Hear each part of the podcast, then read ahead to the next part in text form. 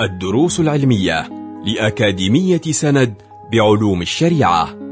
المرحلة الأولى شرح ميسر لمجموعة من المتون المختصرة تفيد المتلقي في دنياه وآخرته.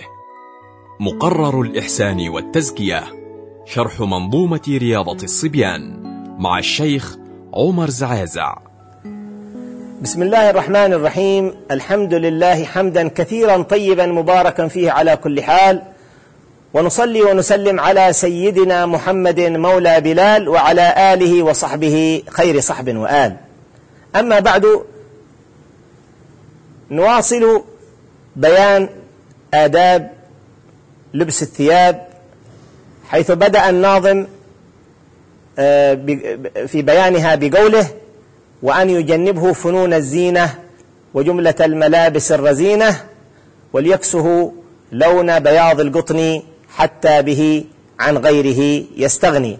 أشرنا إلى بعض الآداب في الدرس الماضي ومنها ومنها أن يعتني عند إرادته ارتداء الملابس أن يعتني بالبسملة بسم الله الرحمن الرحيم. لأن لأنه يعني يزاول شيئا مهما ذي بال يهتم به الشرع. فيبسمل في بداية لباس ارتدائه اللباس ويحرص أن يبدأ باليمين وهو يرتدي. ما يلبسه يبدأ باليمين. وكذلك يعلمه الدعاء يعلمه الدعاء.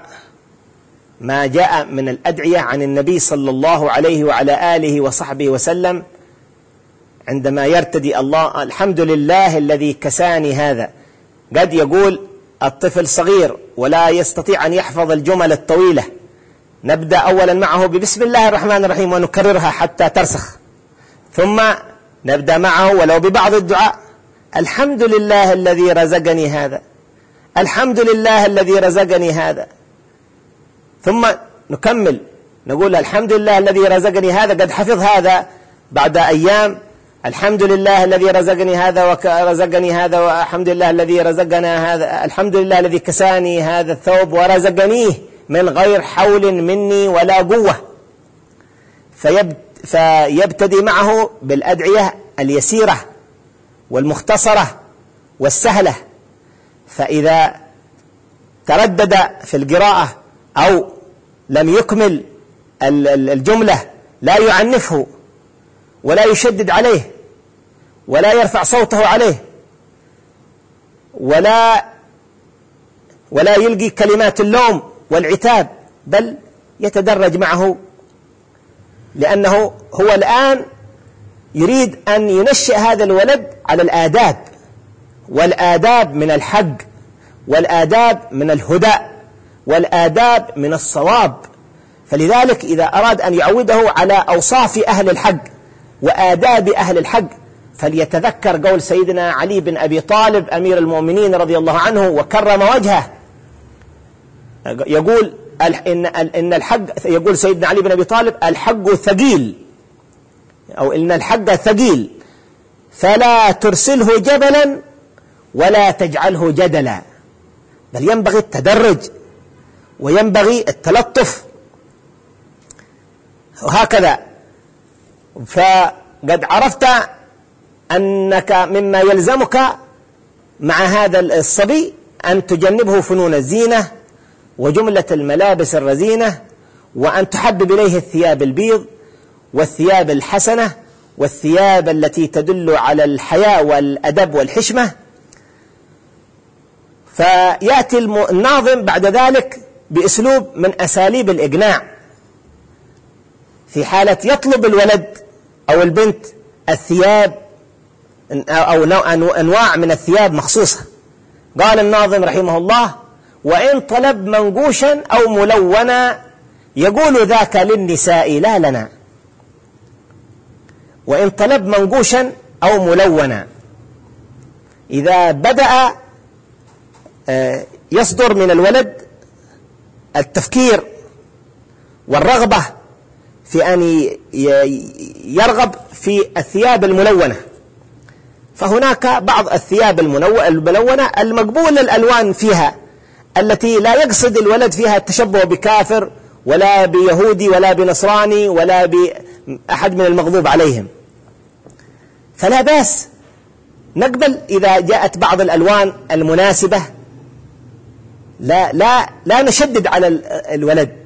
لكن الإشكال في إذا إذا إذا بدأ عنده منزع التكلف ومنزع التفاخر ومنزع التقليد والتشبه فهذا الذي نحذره منه. نحذره من أن يكون هذا اللباس فيه تشبه بيهودي أو نصراني فيه تكلف. نبين له أنه إذا كان في هذا تضييع للأوقات كما يحصل من كثير من الناس ينتقل من مكان إلى مكان ومن محل إلى محل وربما سافر من بلد إلى بلد ليأتي لنفسه أو لأهل أولاده أو لأولاده بنوع من الثياب التي لا توجد في بلده لأجل يظهر أنه المتميز ويظهر أنه المتفوق ويظهر أنه الأعلى والأفضل بين الناس. هذا هو المذموم. هذا هو المذموم. لا ذات اللون اليسير المقبول يعني يعني العادي يعني. أما هذا الألوان الشديدة أو الألوان الكثيرة أو التي يغلب أن يرتديها ويلبسها الكفار والفجار وهو يعرف من هذا الولد أنه يحب أن يتشبه ويحب أن يقلد ويحب أن يظهر بهذا المظهر الذي يظهرون به. فإن طلب منقوشا أو ملونا يقول ذاك للنساء لا لنا. هذه عبارة فيها أسلوب من أساليب الإقناع. النساء بطبيعتها وفطرتها يصلح لها تصلح لها الألوان وتصلح لها الأنواع. وتكون فيها يعني اهتمامها بألوان ثيابها طبيعتها تختلف عن طبيعة الولد وعن طبيعة وعن طبيعة الابن. فيبين له يقول هذه الملابس للنساء لا لنا. ويلبسها أهل الفسوق وأهل التخنيث وأهل الفجور والخبثة من الناس. فأنت لا تفضل هذا. وأنت لا ترغب في هذا. مع ملاحظة أن أن أن الأب عندما يحذر الابن من ذلك لا ليس معناه أن يجعل في قلبه البغض والكره لأصناف من الناس. فالمسلم لا يعادي ذوات الناس ولا يعادي ذوات الخلق وإن كانت عندهم المخالفات وإن كانت عندهم السيئات لقول النبي صلى الله عليه وسلم عندما ذم بعض الناس شخصا يقام عليه الحد من شرب الخمر مرات عندما سمع النبي صلى الله عليه وسلم من بعض الناس سبا على رجل يقام عليه الحد من شرب الخمر قال صلى الله عليه وعلى آله وصحبه وسلم لا تكن عونا للشيطان على أخيك إنه يحب الله ورسوله. فالنبي عليه الصلاة والسلام أقام الحد لتتطهر الأرض من أهل المعاصي والمخالفات وفي نفس الوقت علمنا كأنه عليه الصلاة والسلام يقول الذي فرض علينا تجاه هذا العاصي أن نقيم عليه الحد الذي أوجب علينا إقامة الحد عليه أوجب علينا لزوم الحدود تجاهه. الذي أوجب علينا إقامة الحد على هذا المذنب أوجب علينا لزوم الحدود تجاهه وأن لا نتجرأ ولا نسبه ولا نبغض ذاته لأنه ربما تاب وأحدث توبة.